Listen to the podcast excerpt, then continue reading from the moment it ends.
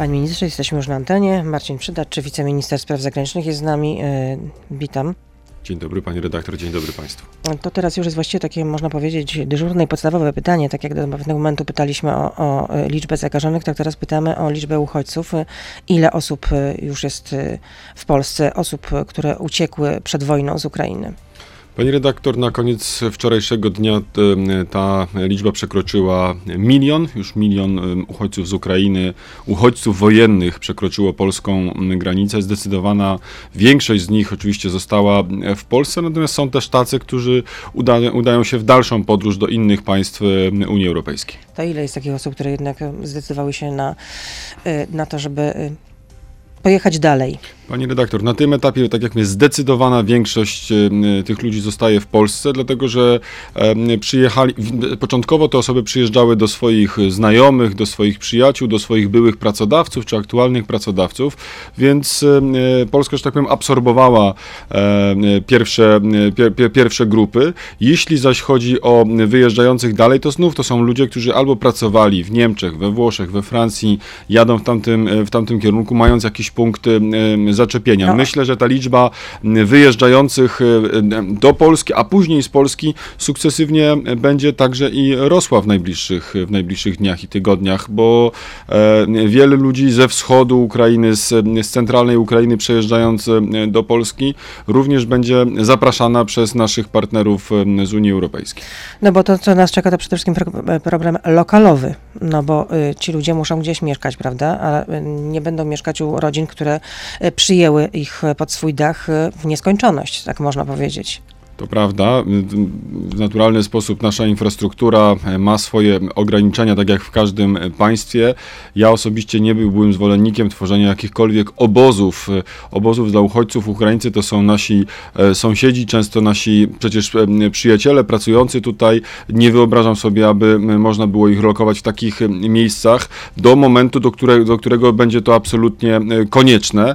W związku z tym prowadzimy także i rozmowy z innymi partnerami z, z z tej i z tamtej strony oceanu zgłaszają się do nas państwa, które mówią, że chcą przejąć część tych y, uchodźców, zaopiekować się nimi przez y, najbliższy czas. Jeśli taka gotowość będzie podtrzymana i jeśli te grupy uchodźców z Ukrainy będą chciały tam pojechać, nie widzę absolutnie żadnych powodów, aby ten proces blokować. Czyli co, Stany Zjednoczone byłyby skłonne przyjąć uchodźców z Ukrainy, Kanada?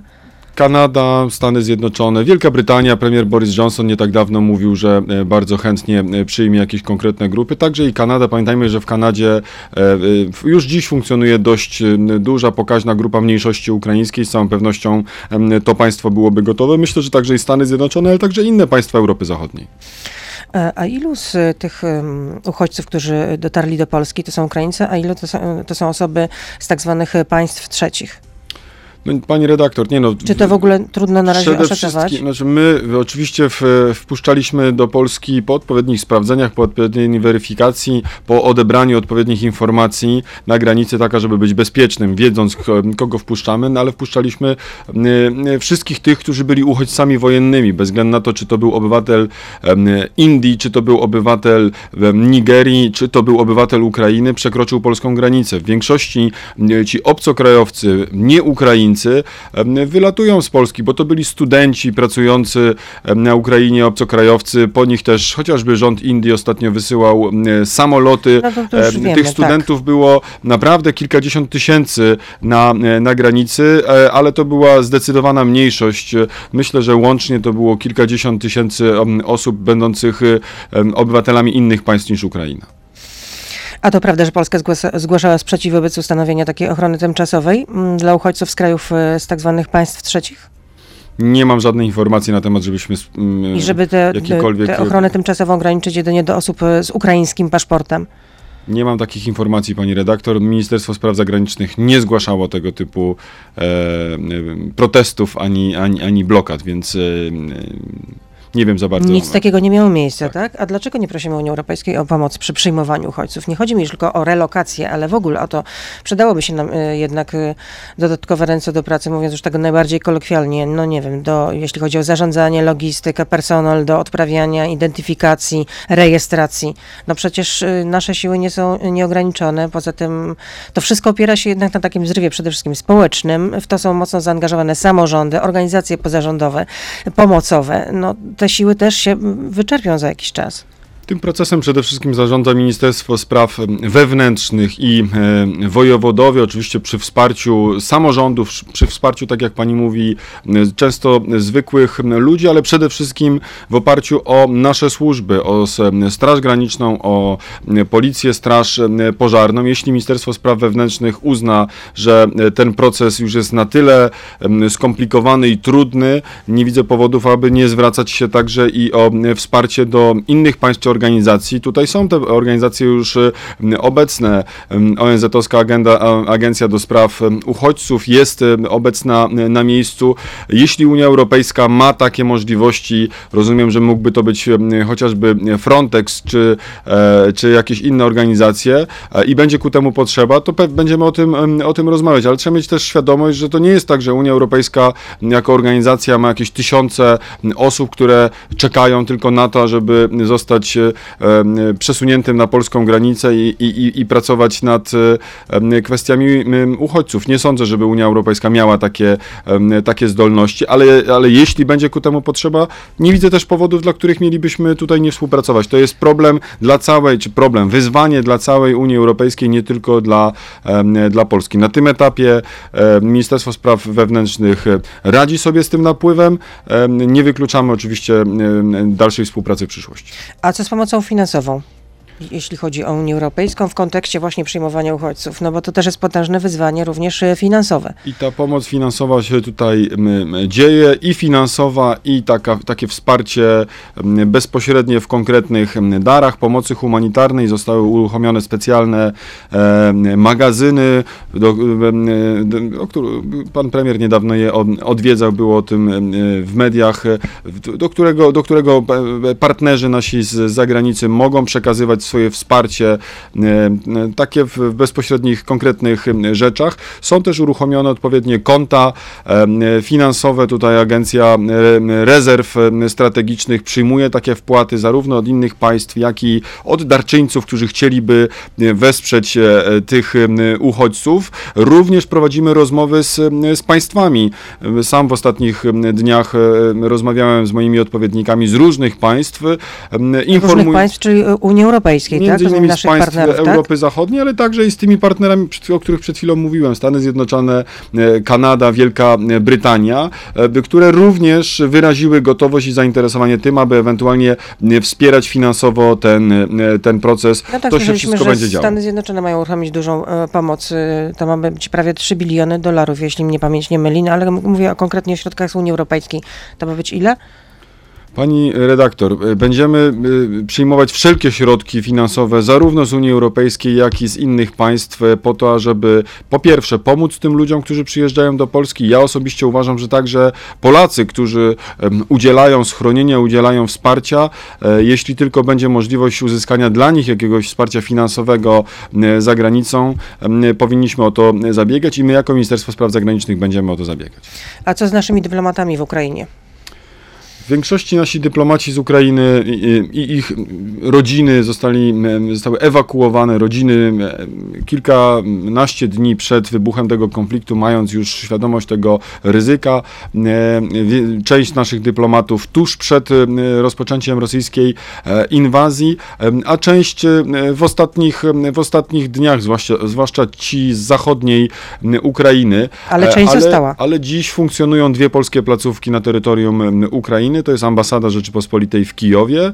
Pan ambasador wraz ze swoim niezbędnym e, personelem, takim najbardziej e, już ograniczonym, ale funkcjonuje w, w Kijowie. Ta obecność ma też swoją symbolikę, ma też swoją e, jakby polityczny wymiar. Polska ambasada cały czas funkcjonuje w Kijowie, wspieramy naszych ukraińskich sąsiadów w tej trudnej sytuacji i oczywiście konsulat generalny w Lwowie również ma swoje znaczenie symboliczne, ale też ma swoje konkretne konkretne zadania. Ten potok migrantów, potok uchodźców tak naprawdę, który płynie przez zachodnią Ukrainę, jest monitorowany e, przez naszą placówkę w Lwowie. Z jednej strony, z drugiej strony jest udzielana także niezbędne wsparcie Polakom, którzy przez zachodnią Ukrainę próbują wrócić do e, kraju. Te liczby dzisiaj są już e, coraz mniejsze, ale w pierwszych dniach tej wojny, no wszyscy Polacy wyjeżdżający do Polski wracali przez, tak naprawdę przez Lwów.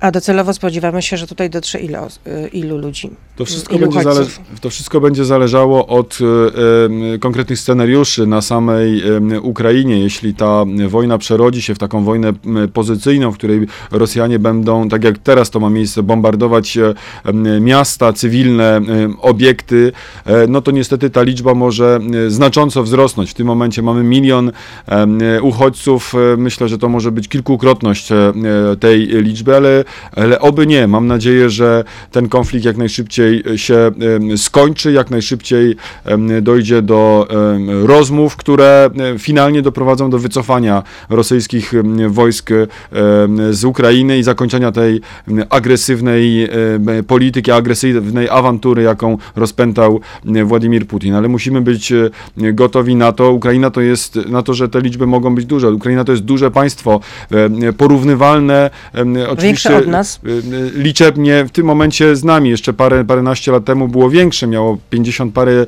y, milionów na skutek y, wewnętrznych, strukturalnych też y, problemów, ale pamiętajmy, że e, e, wyjechało też wielu Ukraińców. Dziś te liczby są bardzo porównywalne. No to jest państwo naprawdę ogromne e, i choćby co, co dziesiąty chciał wyjechać z tamtych terenów, to, to mamy już kilka milionów. No to tyle w części radiowej. E, Wiceminister przed nami zostaje. Jesteśmy na Facebooku, na Radio ZPL, na YouTube, więc proszę zostać z nami. Beata Lubecka, zapraszam.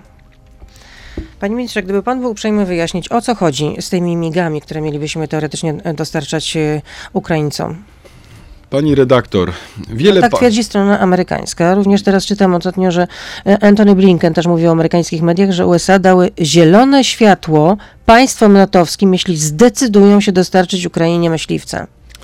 Pani redaktor, wiele państw e, w ostatnich dniach i tygodniach dostarcza stronie ukraińskiej wsparcia, różnego rodzaju e, wsparcia, od wsparcia humanitarnego po No wsparcie to wiemy, finansowe. tak, ale myśliwce Także to i akurat po- y, to jest także i broń po- ofensywna. i po wsparcie, i po wsparcie w postaci amunicji ofensywnej, defensywnej, takiej, która pozwoli państwu ukraińskiemu bronić się, bronić swojego e, terytorium. Bez względu na to, jakbyśmy nazywali tę broń, e, to, czy to wyposażenie, to Ukraina jest tutaj państwem, które zostało napadnięte i to Ukraina przestrzega to prawa wszystko wiemy. międzynarodowego. Natomiast jak to jest? Czy rzeczywiście chcieliśmy tam wysyłać nasze myśliwce, czy nie? Pani redaktor. I Ja wiem, że było dementi kancelarii e, prezydenta, no ale skoro mówi o tym sekretarz obrony amerykańskiej, sekretarz, amerykański sekretarz obrony, przepraszam, Antony Blinken, no to Sekretarz stanu. sekretarz stanu, przepraszam, tak, sekretarz, amerykański sekretarz stanu, Antony Blinken, no to biorę to na poważnie. Bardzo, bardzo dobrze. Trzeba brać na poważnie e, słowa e, dyplomatów, także i e, amerykańskich.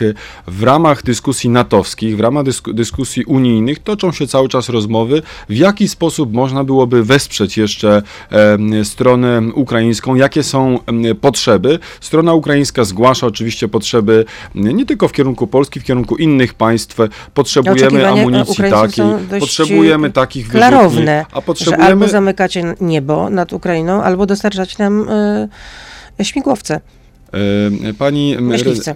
tak, pani redaktor, jeśli chodzi o zamknięte niebo nad Ukrainą, jasno wyraził się tutaj e, Jens Stoltenberg, e, sekretarz generalny NATO. Nie ma na tym etapie takiej wspólnej decyzji.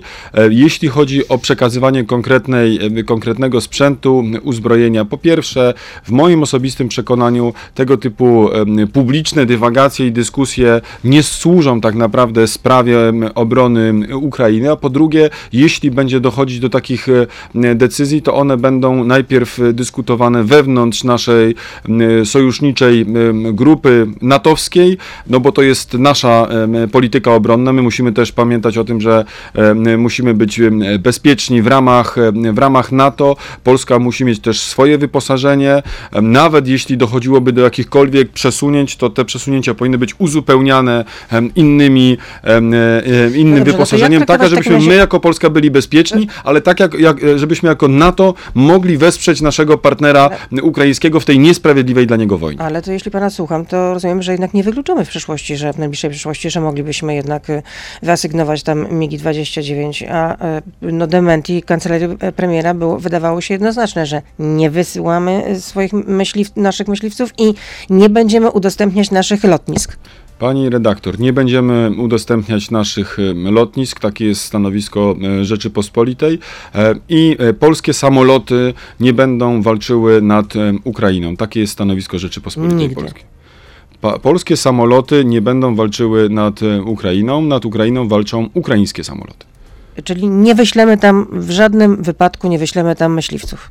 Pani redaktor, wszystko co miałem w tej sprawie do powiedzenia właśnie przed chwilą powiedziałem. Czyli y, to jest stanowisko na teraz, na dziś, ale nie można tego wykluczyć. A co z embargiem Unii Europejskiej na, na kupno y, węgla, ropy, gazu? Tak, w tej sprawie toczą się dyskusje. Polska tutaj optuje za, od lat zresztą, za ograniczeniem pozyskiwania tych węglowodorów, ropy, przede wszystkim gazu i także i węgla z kierunku rosyjskiego. No z tego Rosjanie finansują y, wydatki na obronność. W zeszłym roku sprawdzałem to 133 miliardy dolarów y, y, państwa Unii Europejskiej przekazały y, Rosji za ropę, produkty ropopochodne, gaz i węgiel. No, ale my też kupujemy węgiel. No właśnie, w, z dużych, czego- w dużych ilościach. Zgadnie pani, ile z tych 133 miliardów, y, y, ile zapłaciliśmy za węgiel jako Unia Europejska, nie jako Polska, jako Unia Europejska? 3 miliardy. 130 to jest, o, to jest ropa i gaz. Trzeba znać też tą różnicę. Ale ja my wcale, też kupujemy i, i ropę, i gaz. wcale nie mu- Rosjan.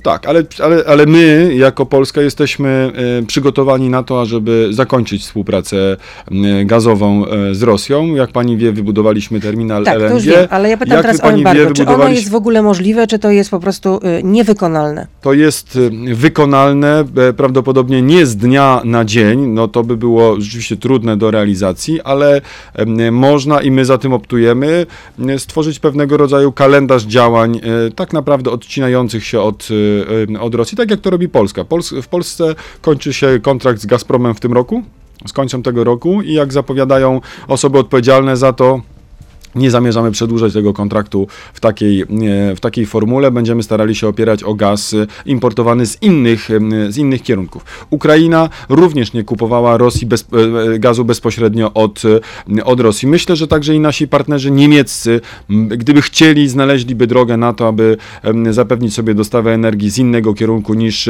rosyjskiego. Także jeśli chodzi o dostawy ropy. Jest wielu innych producentów ropy i produktów ropopochodnych na świecie. Można e, te produkty e, kupować z innych kierunków, mając świadomość, że nie finansuje się tym samym agresywnej polityki, bo Rosja rzeczywiście te rakiety, te samoloty, te wyrzutnie finansuje głównie e, pozyskując środki za sprzedaż węglowodorów. No to ale tymczasem media donoszą, że polski koncern naftowy PKN Orlen jest jedną z pierwszych firm, które po wybuchu wojny, dokładnie 28 lo- y, lutego, kupiła w przetargu 700 tysięcy baryłek ropy Ural od Rosjan. Dostawa będzie w połowie marca, y, w, połowie, w, w porcie w Litwie. No to, to, to z jednej strony domagamy się embarga y, na te Bo- paliwa kopalne, a z drugiej strony kupujemy y, ropę od Rosjan cały czas? Pani No jak to redaktor, możliwe? No przecież to hipokryzja. Przed chwilką powiedziałem, że tego nie da się zrobić z dnia na dzień. To nie jest tak, że dzisiaj możemy przestawić e, całość e, europejskiej produkcji na zupełnie inne kierunki. Trzeba wypracować nowe szlaki e, pozyskiwania tej, e, tej e, ropy. Gdyby dzisiaj zablokować zupełnie kupno, e, kupno ropy, za chwilkę może nam tej, e, tych produktów braknąć na stacjach e, benzynowych i byłyby oczywiście wielkie e, pretensje i słusznie e, Ale ja do... słyszę też od zapewnienia polityków Prawa i Sprawiedliwości, że właściwie już praktycznie moglibyśmy sobie poradzić bez Rosji, jeśli chodzi akurat o ten surowiec. E, W moim przekonaniu na dzień dzisiejszy tak e, być nie może, natomiast to nie znaczy, że w perspektywie następnych kilku tygodni czy, e, czy miesięcy nie powinniśmy w tym kierunku iść. Ja osobiście uważam, że jak najbardziej trzeba kupować ropę z innych kierunków, tankowcami przywozić ją do, e, do Polski i następnie przerabiać na, na konkretne produkty, rezygnując zupełnie z kierunku wschodniego. Skoro udaje nam się to robić e, z, e, z gazem, równie dobrze e, może nam się udać i powinno nam się udać z ropą, bo ropa, ropy jest więcej na rynku i jest łatwiejsza em, przecież w transporcie niż, e, niż gaz. Wiem, że strona amerykańska, czy tam też w mediach, toczy tutaj rozmowy z różnego rodzaju partnerami, dotychczas nieoczywistymi, po to, aby zwiększyć podaż ropy na, na świecie, ograniczając w ten sposób e, pozyskiwanie jej z kierunku rosyjskiego. E, My się tego domagamy, aby Unia Europejska, pani redaktor, e, była tutaj bardziej aktywna, dlatego że my jako strona polska znów wykonamy pewne kroki, a za pół roku okaże się, że wszyscy inni na Zachodzie dalej finansują em, te, e, e, e, budżet rosyjski, e, no bo prawda, nie było możliwości albo nie, nie, nie, nie, ma, nie, nie, nie posiadają odpowiedniej infrastruktury i tak dalej. No, My jak pan chcielibyśmy, powiedział, żeby no, to był nie całościowy się- program Nie europejski. robi się tego z dnia na dzień. A, No, dlatego chodzi... trzeba sobie opracować dzisiaj program i my coś takiego chcemy naszym partnerom pokazać. Napiszmy kalendarz. Do przyszłego roku ograniczymy o tyle, a do przyszłego e, półrocza na przykład jeszcze o, o tyle, tak? W, w tym sensie, żebyśmy mieli już jakieś wstępne e, zobowiązania, jak będziemy odchodzić od uzależnienia od rosyjskiego gazu em, i ropy. Ale nie tylko Polska, ale także inne państwa. A jeśli chodzi o pieniądze na Krajowy Plan Odbudowy, to w jaki sposób zamierzamy je pozyskać jednak? W sposób legalny, taki jaki No, jest. ja wiem, ja wiem, tylko że cały czas, prawem. y, no, cały czas y, pierwsza transza nie dotarła do Polski. Mamy to ma, nie jest- marzec. Nie wiem, to nie jest pytanie do polskiego MSZ, tylko to jest pytanie do Komisji Europejskiej, dlaczego tych pieniędzy nie, nie wydziela, bo nie ma ku temu podstawy prawnej. No, ja, nie, ja nie jestem w stanie pani redaktor No, nie została zlikwidowana Izba Dyscyplinarna. A gdzie jest napisane w prawie europejskim, w traktacie europejskim, że pieniądze można prze, przekazywać krajom członkowskim tylko pod warunkiem, jeśli one będą likwidowały izby dyscyplinarne? Nie, no oczywiście, że to nie chodzi akurat o ten konkretny przypadek, chodzi o łamanie praworządności, przecież wiemy o co chodzi. No. Pani redaktor, nie ma takiego przepisu e, prawnego, który pozwalałby blokować Komisji Europejskiej te środki. Naprawdę. Nie ma takiego przepisu. Jest. E, e, Czyli rozumiem, pogodziliśmy się, że tych pieniędzy nie dostaniemy, rozumiem, tak? Nie. A teraz by się bardzo, ale to bardzo przydały, Nie, bardzo. po, nie pogodziliśmy się z łamaniem praworządności przez instytucje europejskie. To jest chyba jasne. No nie, możemy, nie możemy się godzić na to, że nasza organizacja, nasza no de facto własność, bo każdy z nas jest właścicielem Unii Europejskiej, to jest nasza organizacja, łamie e, prawo i nie przekazuje pieniędzy e, swoim państwom członkowskim, mimo że one się e, jej należą, jemu należą, tak jak w naszym przypadku. Ja mam nadzieję... optyka, ale to jest optyka polskiego rządu, a optyka Brukseli jest zupełnie inna, więc ja nie wiem, no, wy na pewno, tylko, tylko wy macie rację? Pani redaktor, dlatego trzeba prowadzić dialog polityczny i dlatego te, te rozmowy się e, toczą. Pan premier e, rozmawia tutaj z Ursulą von der Leyen, próbując, e, też pokazując pewnego rodzaju działania, bo mimo tego, że nie ma podstawy prawnej do tego, bloko, do tego blokowania, no to oczywiście zależy nam na tym, aby te środki trafiły i staramy się przekonać do tego Komisję Europejską też konkretnymi, pozytywnymi krokami. Jeśli A te pozytywne kroki to co? E, To jest kontynuacja reformy wymiaru sprawiedliwości, tak? W takim kierunku, który będzie polepszał funkcjonowanie tego e, wymiaru sprawiedliwości w najbliższym czasie. Stąd też projekt e, pana prezydenta, który jest w To są parlamencie. trzy już takie projekty, więc y, Ja nie jestem No. parlamentarzystą, więc ja się, No wiem, wybaczy wiem, pani, ja nie śledzę będę- wszystkich tych projektów, ale z tego co wiem, tutaj projekt pana prezydenta, także i, i, i klubu rządzącego, w sensie Zjednoczonej Prawicy jest w parlamencie. Myślę, że pani marszałek skieruje go niebawem pod, e, pod obrady. po prostu cały czas gra na zwłokę. Chciałabym jeszcze zapytać o, o wizytę wiceprezydent USA, która przylatuje do Europy i odwiedzi Polskę i Rumunię, Kamala Harris.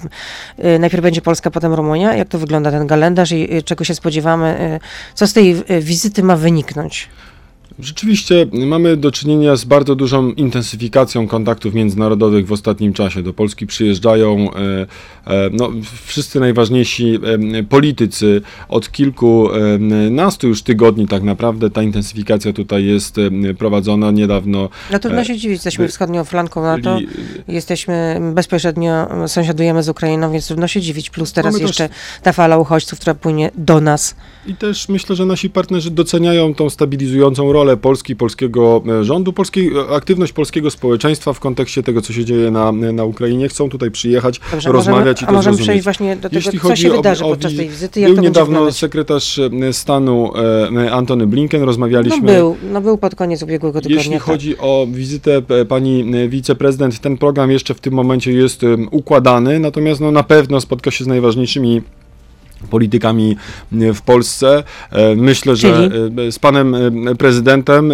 myślę, że z, także i z panem premierem do, tej, do, te, do takich rozmów powinno dojść, bo to są tak naprawdę odpowiednicy pani wiceprezydent Kamali, Kamali Harris. Myślę, że będzie się też, nie mam pewności, czy będzie chciała się udać na granicę, ale z całą pewnością ta tematyka uchodźcza będzie tutaj jednym z bloków. Tematyka bezpieczeństwa, dyskusja o tym, co dalej z Ukrainą, w jaki sposób ją wspierać, w jaki sposób ograniczać agresywną politykę Rosji. To jest jeden temat e, dużych dyskusji, a drugi temat, w jaki sposób e, wesprzeć Polskę w tej, e, w tej trudnej dla nas sytuacji, kiedy kolejne tysiące osób dziennie przekraczają polską granicę. Dwa główne tematy. Zachowanie bezpieczeństwa, zachowanie stabilności, ale tak jak mam doświadczenie z ostatnich tygodni, wielu polityków przyjeżdża do Polski też podziękować Polsce i to naprawdę padają e, bardzo ciepłe słowa pod adresem nas wszystkich, i Polaków, i polskiego rządu.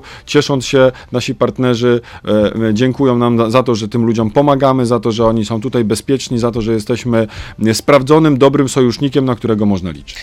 No tak, ale jeśli chodzi o pomoc dla Ukraińców, to, y, to, to przede wszystkim zadziałało takie obywatelskie, pospolite ruszenie. Tak to trzeba powiedzieć, wspomagane również przez organizacje pomocowe i to będę podkreślać na każdym kroku. Y, y, jeszcze tylko zapytam, Kamala Harris najpierw przyjeżdża do Polski, a dopiero potem odwiedzi Rumunię, czy jak to jest? Według U moich informacji najpierw przylatuje do Polski, a później leci do Rumunii, tak jak Antony Blinken najpierw przyleciał tutaj, później poleciał do Mołdawii i do Rumunii, więc Polska jest tutaj pierwszym, pierwszym punktem. Jeśli chodzi o to wsparcie, ja też też zgadzam się oczywiście, że wielu Polaków, wiele organizacji pozarządowych tutaj działa, ale myślę, że nie sposób nie docenić także i aktywności polskiej, polskich służb, służb granicznych, Polskiej Straży Pożarnej, Policji, tych wszystkich ludzi, którzy tam na co dzień pracują pod egidą wojewodów, polskich samorządów, które również są aktywne. Państwo polskie działa wszystkimi swoimi możliwościami i zarówno e, poprzez swoje służby, jak i poprzez swoich e, obywateli, którzy, tak jak wielokrotnie mówimy, Ale bez tego otworzyli... zrywu to by się nie udało, panie ministrze. Bez tego zrywu to by się nie udało. I całe szczęście, że, że ja się, to nastąpiło. Ja nie, nie, nie, nie chciałbym tego oceniać, wręcz przeciwnie, ja się cieszę. No, to bardzo dobrze, że my się zrywamy, potrafimy wspólnie radzić sobie z takimi problemami. Przecież w końcu Trzeba to jest też nasze to jest, państwo, to jest nasza to nie Polska. jest sprint, tylko to jest maraton.